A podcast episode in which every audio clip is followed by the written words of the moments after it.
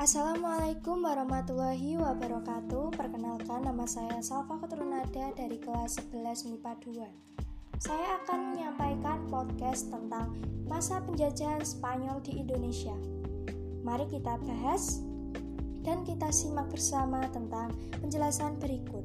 Yang pertama, kedatangan Spanyol di Indonesia Spanyol datang ke Indonesia tepatnya di Maluku pada tanggal 8 November 1521. Dipimpin oleh kapten yang bernama Juan Sebastian Elcano, kedatangan Spanyol di Maluku tepatnya di Tidore disambut baik oleh sultan yang memerintah Tidore saat itu. Karena mereka sedang bersengketa dengan kerajaan Ternate yang didalangi oleh Portugis, Tentu kedatangan Spanyol nantinya akan dianggap menguntungkan karena dapat membantu mengusir Portugis dari Maluku. Sebelum terjadinya peperangan besar antara Portugis dan Spanyol, maka dilakukanlah perjanjian ulang yang mana memperjelas perjanjian sebelumnya, yaitu perjanjian Saragossa pada tanggal 22 April 1529. Akhirnya demi kepentingan bersama dan meminimalisir peperangan antar bangsa Eropa yang ada di Maluku antara Portugis dan Spanyol akhirnya mengalah dan menyetujuinya.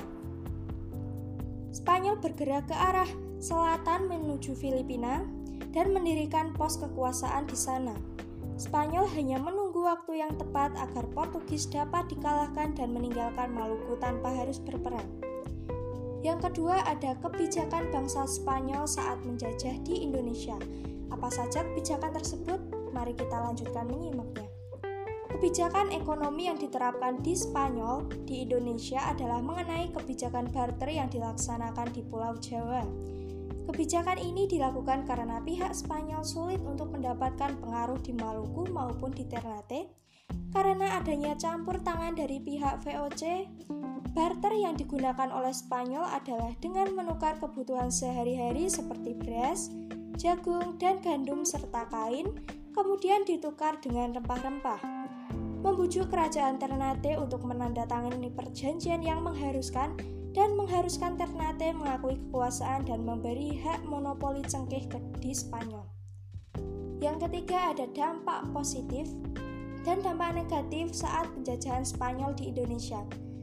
Yang pertama, dampak positif.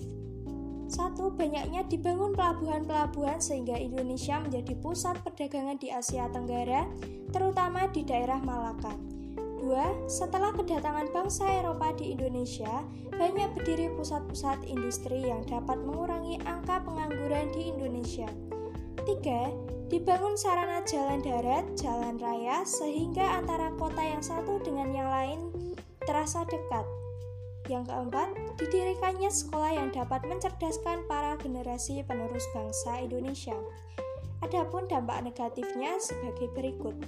Yang pertama, masyarakat Indonesia merasa tertindas dengan kedatangan bangsa Eropa yang selalu bersikap semena-mena terhadap bangsa Indonesia. Kedua, terjadinya pemberontakan di mana-mana yang mengakibatkan banyaknya warga Indonesia yang meninggal. Yang ketiga, bangsa Eropa mengadu domba seluruh masyarakat Indonesia. Yang keempat, terjadinya perebutan kekuasaan yang dilakukan oleh bangsa Eropa terhadap bangsa Indonesia yang akhirnya banyak menelan korban para warga Indonesia. Itulah beberapa penjelasan tentang masa penjajahan Eropa di Indonesia yaitu Spanyol. Semoga menambah wawasan kita semua Mohon maaf bila ada tutur kata yang kurang berkenan. Saya akhiri. Wassalamualaikum warahmatullahi wabarakatuh.